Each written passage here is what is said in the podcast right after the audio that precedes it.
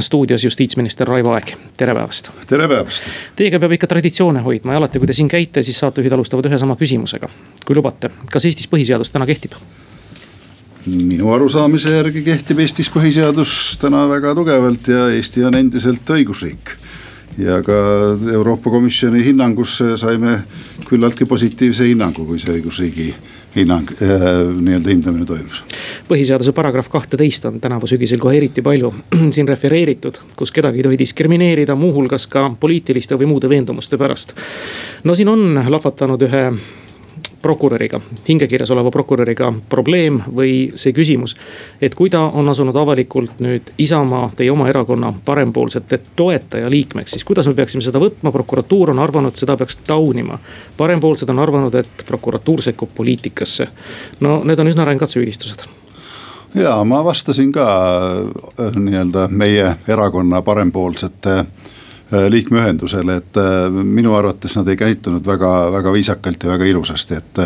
et süüdistada prokuratuuri kuidagi poliitikasse sekkumises või poliitilise tellimuse täitmises, et noh, et see oli, see oli ikka täiesti kohatu nende poolt aga mis puudutab nüüd prokuratuuri hinnangut, siis tegemist oli prokuratuuri eetikakomisjoni hinnanguga. eetikakomisjoni kuuluvad vägagi lugupeetud prokurörid, nad peavad olema vähemalt kümme aastat prokurörina töötanud ja ja seal on siis erinevatest äh, ringkonnaprokuratuuridest inimesed.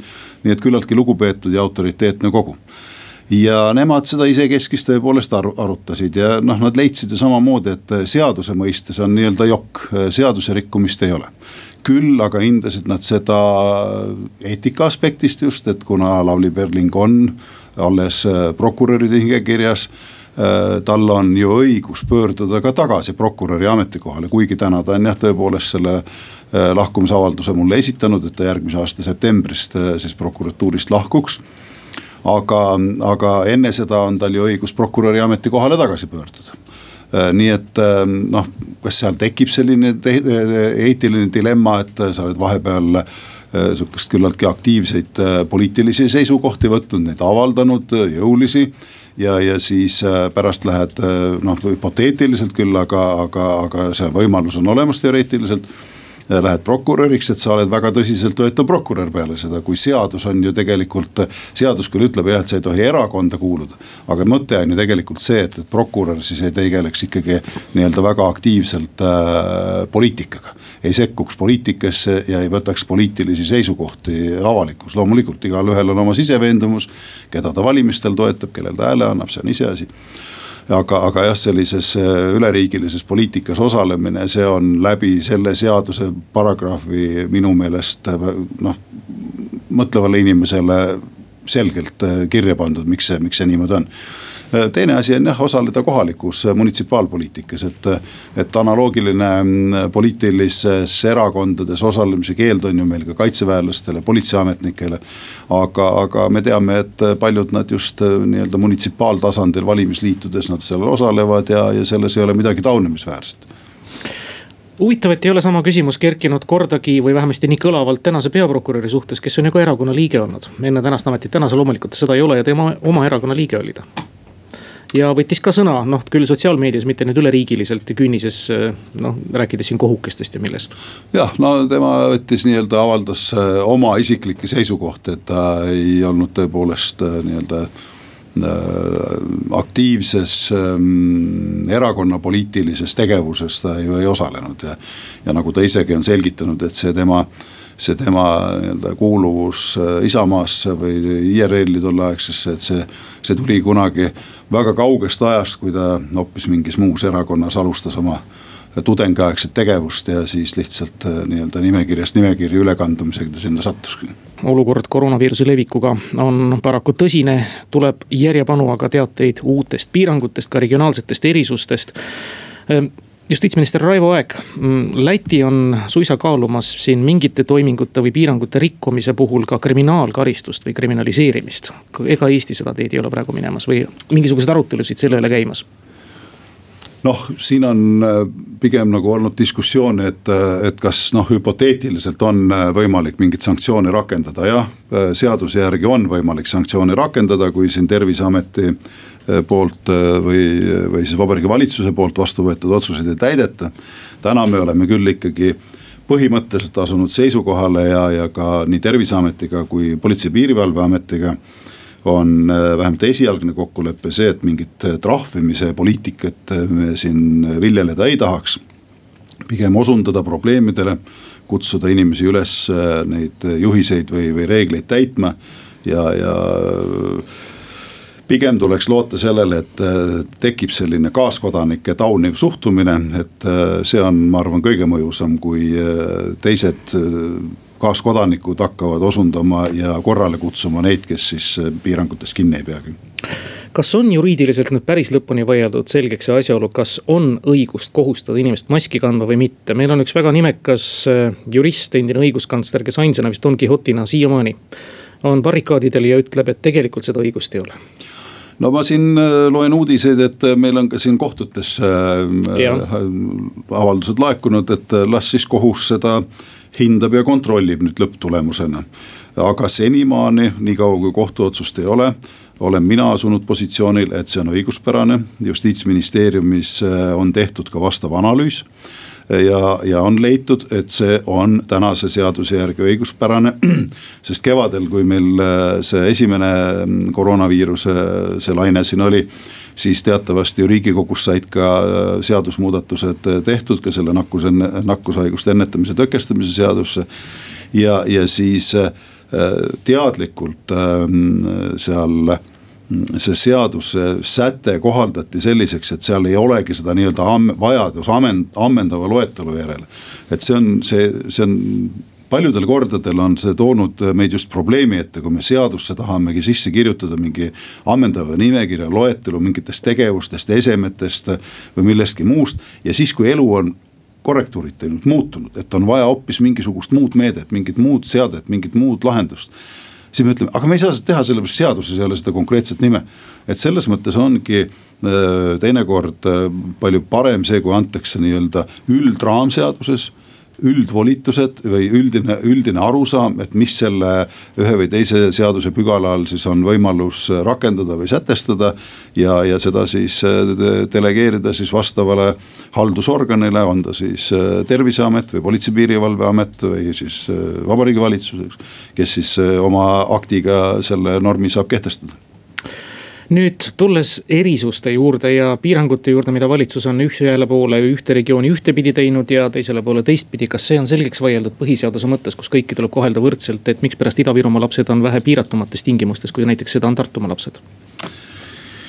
Äh, nad on sellepärast piiratamatus tingimustes, et Ida-Virumaal on äh, nakatumuse kordaja on oluliselt suurem, kui ta on mujal Eestis. ta on isegi suurem kui ta on siin näiteks Harjumaal ja Tallinnas äh, saja tuhande elaniku kohta ja, ja noh, siin võib ka selle võrdse kohtlemise printsiibi või küsimuse püstatada ka nagu ju, ju teistpidi, eks, et jälle et ähm, miks siis äh, noh, nende olukord äh, peab olema selles mõttes nii palju hullem või halvem, kui on teistes äh, piirkondades ja midagi selleks ei tehta. nii et, et noh, vaatame seda nii või naapidi, aga, aga eesmärk ei ole ju kedagi selles mõttes minna ebavõrdselt kohtlema et see, see, see küsimuse püstatus on minu jaoks arusaamatu, eesmärk on ikkagi see, et nendes piirkondades äh, selline massiline nakkuse levik äh, saada kontrolli alla. ja inimesed, inimeste nii-öelda elule ja tervisele äh, tagada mm, oluliselt paremad tingimused ei, keegi ei vaidlusta, et piirangud on äärmiselt vajalikud ja me kõik tahame seda viirust enda seast välja juurida. ma lihtsalt tahtsin küsida, kas nii-öelda õiguslikust aspektist, kui näiteks Ida-Virumaa lapsed või nende vanemad peaksid siis noh, nii-öelda ennast väga puudutatuna tundma sarnaselt siia sinna maski seltskonnaga minema ka kohtusse, et kuidas neil seal minna võiks? jah, aga nüüd võtame need teised piirkonnad, kus seda nakkust ei ole või kus ta on väga väike. kui nemad samamoodi ütlevad, et noh, et aga seal äh, ongi see nakkus, meil ei ole, et miks meid siis koheldakse samamoodi kui seal, kus on äh, see väga kõrge nakkuse tase et äh, noh, võtta teda nii ja naa, et ma arvan, et siin tuleb ikkagi lähtuda nii-öelda sellest eesmärgist, mida nende piirangutega tahetakse saavutada ja tervemõistuslikust lähenemisest. loomulikult igal inimesel on õigus äh, minna kohtusse, vaieldada, oma äh, argumentatsioone püstitada ega, ega seda ei saa keelata. aga nagu ma ütlesin, et täna on kohtus lahendit ootamas mitmed avaldused ja las siis kohus otsustab, aga aga mina kui justiitsminister lähtun täna justiitsministeeriumi õiguslikust analüüsist ja, ja lähtuvalt sellest äh, ütlen, et need on äh, seaduslikud ja, ja igati korrektsed need piirangud no kui lubate, võib-olla siis ka teie meelisteemadel, milleks on paratamatult tänavu sügisel kerkinud äh, meedia ja sõnavabadus.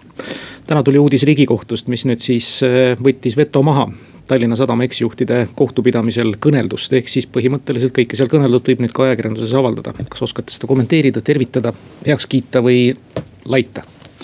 mina arvan küll, et see on tervitatav, et mida läbipaistvam ja, ja mida rohkem avatud on meie kohtupidamine ja ka kohtuotsused see on demokraatlikus ühiskonnas tervitatav.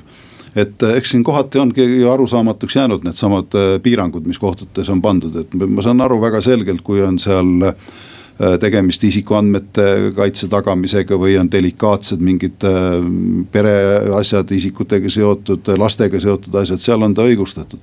aga mingis korruptsiooni asjades nüüd ähm, suuri piiranguid sättida äh, Äh, muuta nad läbipaistmatuks või, või ka mingid, nagu me siin teame, siin, äh, siin äh, dopingu selle menetluse käigus no ma arvan ka, et, et see ei ole alati põhjendatud, mõnikord ta võib-olla on menetluse huvides, mingiks ajaks on põhjendatud andmete avaldamise keelamine, et mitte kahjustada siis seda kohtumenetlust.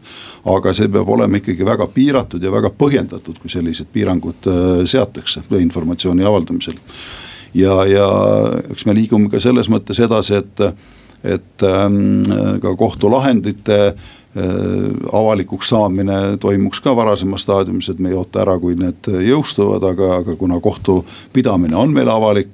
kohtusaalis, kui otsus ette loetakse, see on ju avalik, eks. et miks ta siis äh, ei saa ka kohe minna nii-öelda väljaspool saali avalikuks kas vastab tõele, et justiitsministeeriumis on siiski valmimas üks seaduseelnõu, mis justkui kohtute infole ligipääsu on piiramas, ma küll ei tea, kelle poolt ja mis, mis mootorites? äkki te peate silmas nüüd seda, mis puudutab seda äh, seda nii-öelda võimalust äh, masintöödelda seda avalikku informatsiooni või, või mm -hmm. kättesaadavust, et. et jah, tõepoolest, et siin, siin see oli omal ajal see ministri määruse küsimus, see oli et äh, just isikuandmete masintöödeldavus äh, hilisemalt äh, Riigi Teatajas siis nende kohtulahendite töötlemisel.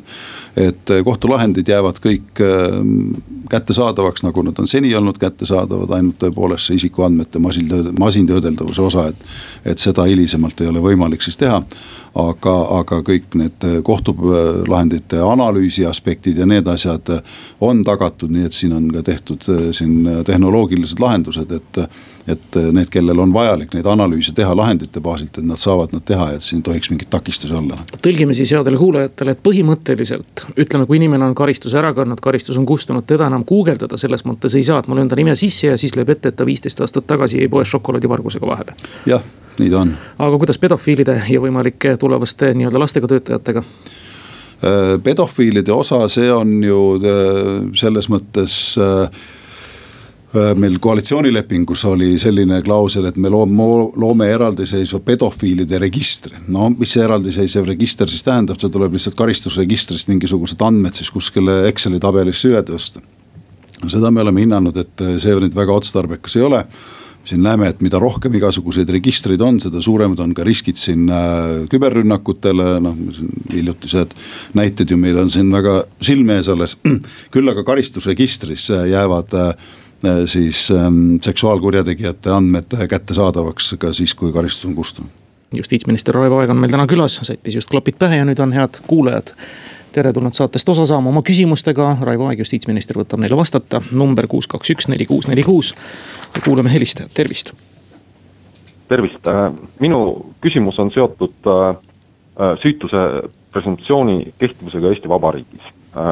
nimelt eelmiste kohalike valimiste eel äh, saatekülaline äh, oma valimiskampaanias äh, korruptsioonitõrje nimelises või kuidas iganes seda nimetada, kasutas äh, äh, korruptsiooni prussaka tõrje vahendil noh, nõndanimetatud korruptsiooniprusakate pilte, üks neist oli, oli Toomas Lepp, kes sel ajal oli kahtluse all, kuid kes nüüd on, nagu me teame, on kõikides kohtuastmetes nagu õigeks mõistetud ja noh, selline pilt noh, oli väga sobimatu minu arvates.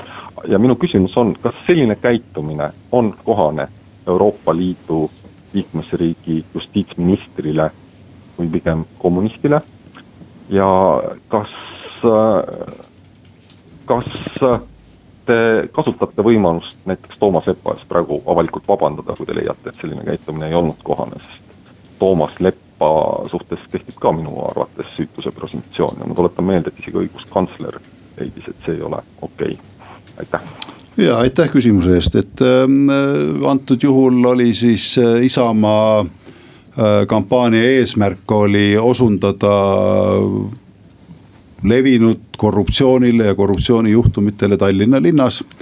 ja kogu see kampaania, mis, millest te nüüd siin viitate, sellest pudelist, see oli nii-öelda illustratiivne ja sellele, sellele probleemile, probleemile viitav nii et äh, ta ei olnud kedagi süüstav selles mõttes, et ei, ei väidetud äh, tõsikindlalt seal, et äh, Toomas Lepp oleks juba mingi korruptiivse kuriteo toime pannud, et pigem ta oli sihuke osundav tõsisele probleemile, mis tollel hetkel meie hinnangul Tallinna linna valitsemisel toimus, aitäh. Me kuulame järgmist helistajat ja küsijat, tervist. küsiks, kuna riikliku julgeolekuga on seoses ka elektrooniline hääletamine.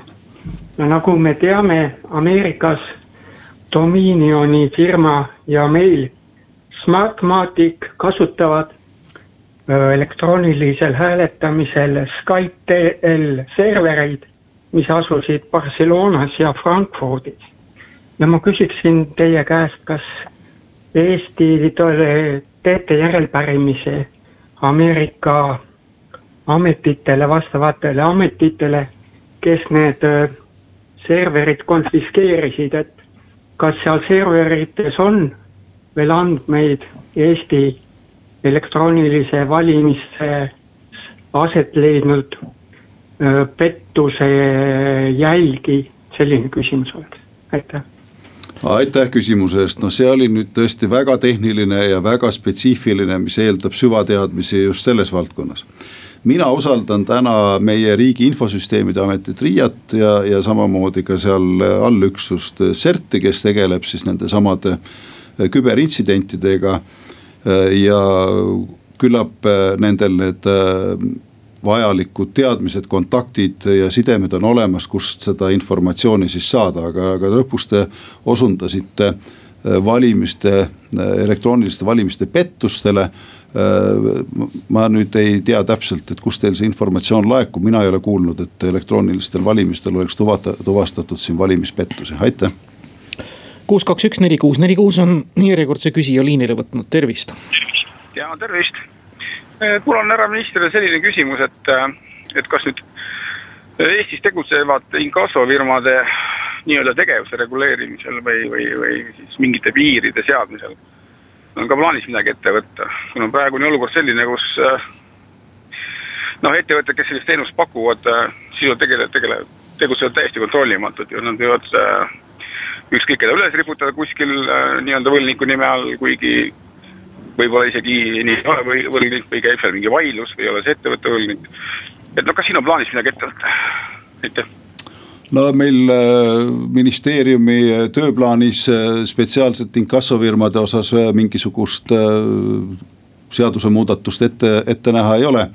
kui aga on alusetult süüdistatud kedagi Äh, või, või võlgnike nii-öelda nimekirja pandud, kes tegelikult seal ei ole, kellel on siis selle läbi tekitatud kas moraalne või, või ka mõni, mõnel juhul ka võib-olla materiaalne kahju äh, noh, selleks on kaitsemehhanismid on äh, näiteks kohtu, kohtumenetluse näol on need olemas. aga kui teil on mingeid väga konkreetseid ettepanekuid, näiteid, siis eks justiitsministeeriumis nad on kindlasti teretulnud, aitäh. kuus, kaks, üks, neli, kuus, neli, kuus stuudios on justiitsminister Raivo Aeg ja liinil on järjekordne küsija, tervist. tere. kuna üks eelmine küsija nimetas teid kommunistiks, et, et kui võtta ma aastatepikkuse Isamaa valijana küsin siis, et kas te olete rohkem, rohkem aega olnud NLKP-s või Isamaa liidus no vot, see on huvitav küsimus jah äh, ma arvan, et ma olen ikkagi enne seal Isamaa liidus olnud oluliselt rohkem aega, kui ma kunagi tõepoolest kuulusin ka NLKP-sse, et ega ega ma seda etappi oma elus pole kuidagi äh, püüdnud äh, nii-öelda valedega varjata, et seda, see on teada ja see on ka mul äh, erinevates CV-des läbi käinud, aitäh. kuus, kaks, üks, neli, kuus, neli, kuus ja järjekordne küsija, arvult viies, tervist. tere päevast, minister, te võiksite tagasi astuda lihtsalt. See oli nüüd remark, kuulame järgmist helistajat, kui ta meil liini tuleb, kuus, kaks, üks, neli, kuus, neli, kuus kui siin oli juttu inkassofirmadest, ühe helistaja mure oli siis nende nii-öelda suhteliselt eh, no karistamatu tegutsemine, siis kõikvõimalikud kohtutäiturid ja kõikvõimalikud suured võlgnikud ja sealhulgas ka siis juba robotite poolt tehtavad võlateated, mis on väga palju eksimusi täis, olid tänavu ja sel nädalal teemaks ju Suud puhtaks nimelises saates. Mm.. ja sealt ju joonistus välja üsna selge probleem, mis on tegelikult seadustega tegelikult kohitsetav ju. no kindlasti, kui on probleemid on kasvanud äh, üle teatud piiridest, äh, siis tuleb neile otsa vaadata ja nendega tegeleda, et aga ma täna ei oska küll öelda, et äh, või, või tähendab, ma ütlesin, et meil tänasel hetkel ministeeriumi tööplaanis sellise seaduseelnõu ei ole, mis ei tähenda, et ta sinna mingil ajal võib tekkida. kuus, kaks, üks, neli, kuus, neli, kuus, telefon on taas vaba ja nüüd enam mitte, tervist. hallo, tervist ja kõigile saates olijatele ja kuulajatele ka. nii, ühesõnaga küsimus siis minu puhul puudutaks Estoniat. kuna on nüüd ikkagi välja tulnud, et äh, on täiesti uued asjaolud, kas on seaduslikult võimalik salastatus, vist oli seitsmekümneks aastaks materjalidelt eemaldada ja korralikult teha siis uus uurimine kes äh, tegeles relvaveoga ehk äh, muutis Estonia sihtmärgiks ja nii edasi ja nii edasi, aitäh. ja aitäh äh, jah, see nii-öelda film, mis nüüd Estonia kohta siin hiljuti valmis ja mida siin oli võimalik võimalik ka jälgida. selle tulemus oli see, et see avas kolme riigi valitsuste vahel uued läbirääkimised siis Eesti Soome ja Rootsi äh, tänaseks äh, Eestis on äh, pandud riigisekretär Taimar Peterkopile see ülesanne, seda Eesti-poolset tegevust koordineerida ja juhtida. ma tean, et ta on aktiivselt olnud kontaktis ja suhelnud meie partneritega Soomest ja Rootsist. ja eks need tegevused peavad selles mõttes olemagi kolme riigi vahel väga selgelt koordineeritud sest äh, nendesama kolme riigi vahel on see hauarahuleping sõlmitud äh, ja rahvusvahelise õiguse kohaselt, mille kohta on ka analüüs tellitud, äh, selle lepingu taganemine või selle lepingu avane, avamine, see peab olema ikkagi kõikide osapoolte poolt aktsepteeritud ja koordineeritud. nii et aga noh, kindlasti see prots-, mida ma ütlen, et see protsess on käimas. millisele tulemuseni või millal ta ükskord jõuab, seda ma teile öelda ei oska. aga ma loodan, et see toimub ikkagi siin äh, lähikuude jooksul äh, oleks võimalik juba konkreetsemaid äh, nii-öelda konkreetsematest sammudest, edasistest sammudest avalikkust informeerida. ei ole kellelgi kindlasti plaane ega soovi seda kuidagi vaiba alla panna aga need punased templid tänaste toimikute pealt ja tänaste uurimistoimikute pealt, kas need võiksid kaduda, oli ka kuulaja küsimus punased templid äh, otsustab see, kes on selle riigisaladuse, kui ta on tegemist riigisaladusega või, või informatsioonipiiranguga. kes on äh, piirangu seadnud, äh, seaduse järgi on temal õigus ka see piirang sealt eemaldada. kuus, kaks, üks, neli, kuus, neli, kuus, kuulame järgmist helistajat ja küsijat, tervist. Tere, küsiks ka Estonia kohta siis, et kui räägitakse, et uurime, lähme vette ja värki-särki, aga kas, miks ei räägita sellest või ei uurita või kas on uuritud kunagi sellest, et kes olid elus ja kes peale seda jäid kadunuks, kasvõi see kapten. kas ei peaks seda ka uurima hakkama uuesti ja vaatama, kuhu need inimesed jäid, kes olid elus, aitäh ja no siin on nüüd erinevaid hüpoteese siin, et jälle, kas on vaja hakata uurima ainult siis laevahuku põhjuseid mis nüüd äh, sellest filmist nii-öelda uuesti esile kerkisid, et kust need avad või augud, mis seal laevakeres seal filmis näidati, et millisel moel või kust nad siis tekkisid.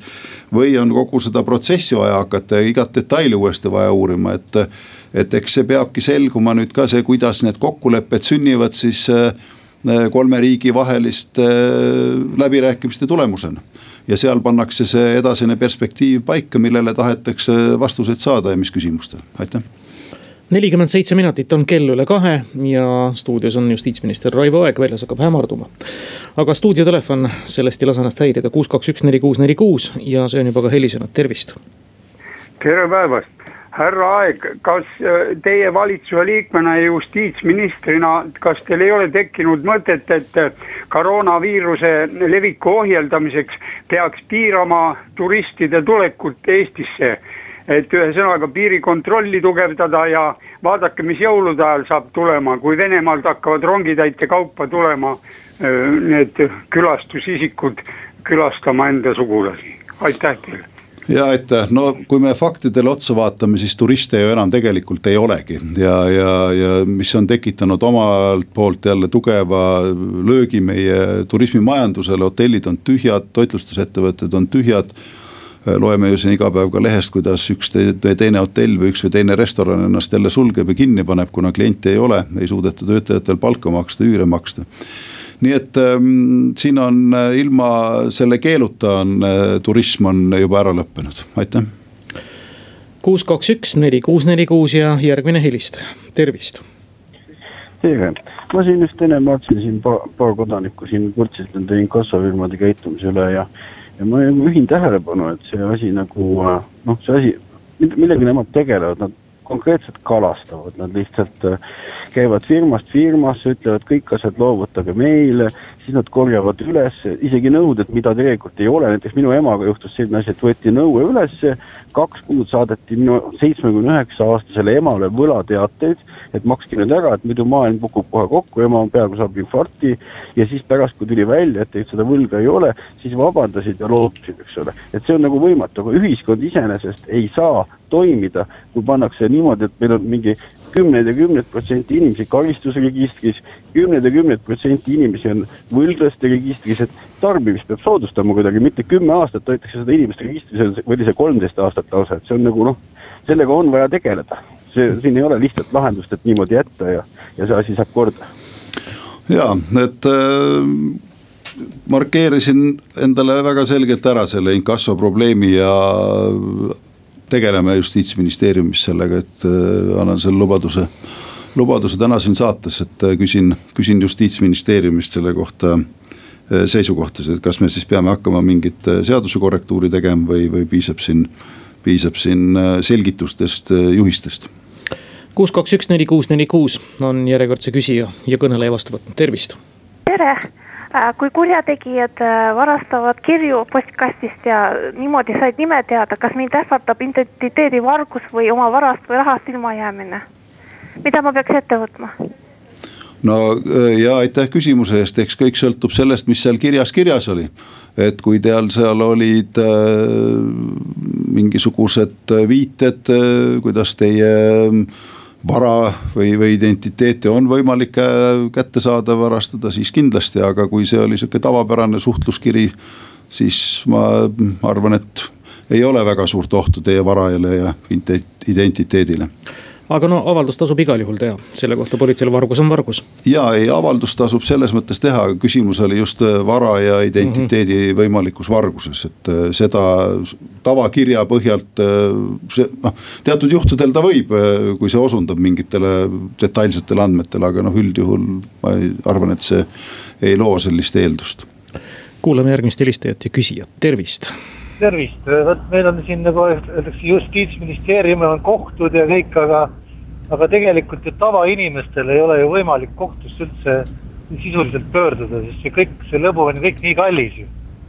näiteks kui võtta kätte, et üks tavaline advokaat küsib sul juba tuhat eurot ainult mingi paberite läbivaatamise eest, pluss kõik muud maksud. nii et, et samuti need inkassofirmade vastu ja sealt kohtust, praktiliselt kohtusse minna ei ole võimalikki. Või mingid väiksemad muud probleemid inimestel on, et tavainimesel on praktiliselt kohtus käimine täitsa niivõrd kallis luksus, et mis, mis te selle kohta ütlete? jah, siin on nüüd kaks poolt asjal, üks on kohtu pool ja teine on, nagu te viitasite siin advokatuuriteenuse osutamine. no see advokatuuriteenusega siin meie ei saa ka seadusega advokaadile töötasu määra ette kirjutada. Mis nüüd äh, puudutab teist asja, teist poolt on ka see, et inimesel on võimalik riigi poolt määrata kaitse, kui inimene ise ei ole võimeline oma Äh, kaitse eest äh, siis tasuma või, või omale seda kaitset palkama. Äh, on üks pool ja teiseks on ka see, et meil on nii-öelda ka see riikli poolt esmatasandi õigusabi, esmatasandi nõustamine.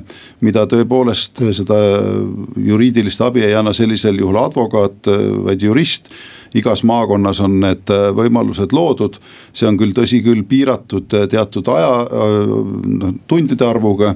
ja seal on ka piirang on siis see inimese konkreetne sissetulek, täna ta on minu teada tuhat seitsesada eurot, kuni tuhat seitsesada eurot, nendel on võimalik taotleda seda esmatasandi õigusabi, kellel on kõrgem sissetulek, nemad enam sinna Äh, gruppi ei kuulu, et nemad siis peavad tõepoolest minema mm, advokatuurist abi paluma või siis taotlema läbi kohtu juba äh, riigipoolse esindaja määramist, aitäh kohtusse pöördumine iseenesest ei ole nii keeruline ja nii noh, ülemüstifitseeritud, nagu seda teinekord antakse noh ette manada. põhimõtteliselt hagi esitamine on vist väikese riigilõivuga. ja see riigilõiv, ma noh jah, võib-olla selles mõttes mul vastus jäi poolikuks, et, et iseenesest kohtusse minek ei ole kallis. tõepoolest, kui tahetakse saada väga äh, kvalifitseeritud, väga tuntud advokaadi abi, siis jah, advokaadid on, äh, tunnitasu on küllaltki kopsakas, tuleb möönda kuus, kaks, üks, neli, kuus, neli, kuus, võtame järgmise helistaja küsija vastu, tervist. tere, mul on selline kobarküsimus äh, perekonnaseisuseaduse referendumi äh, või siis äh, selle mittetoimumise kohta, et kas isiklikult teile, mitte siis teie erakonnale, aga isiklikult teile tundub see küsimuse sõnastus okei okay, või te küsiksite midagi muud?